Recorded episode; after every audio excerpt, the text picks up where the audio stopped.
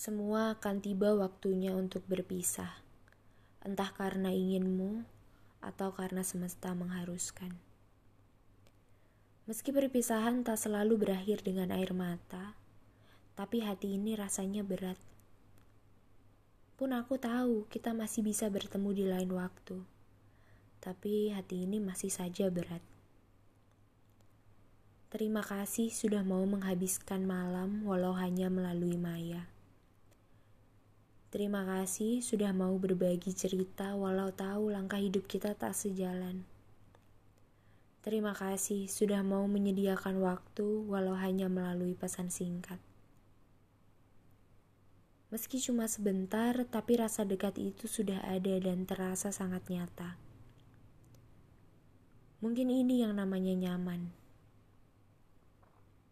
Dan lagi, dari kamu, aku bisa belajar banyak hal tentang berani memilih, tentang berani menentang yang buruk, dan yang terutama tentang memberi banyak toleransi dalam satu waktu. Selama masih masuk akal, kenapa tidak? Katamu. Meskipun kamu tahu akan ada banyak orang yang balik menentangmu dan tak menyetujui pola pikirmu tapi aku kagum dengan kegigihan dan kejujuranmu.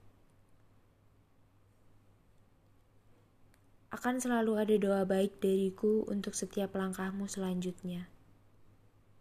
Tak mengapa meski kau tak mendengarnya langsung.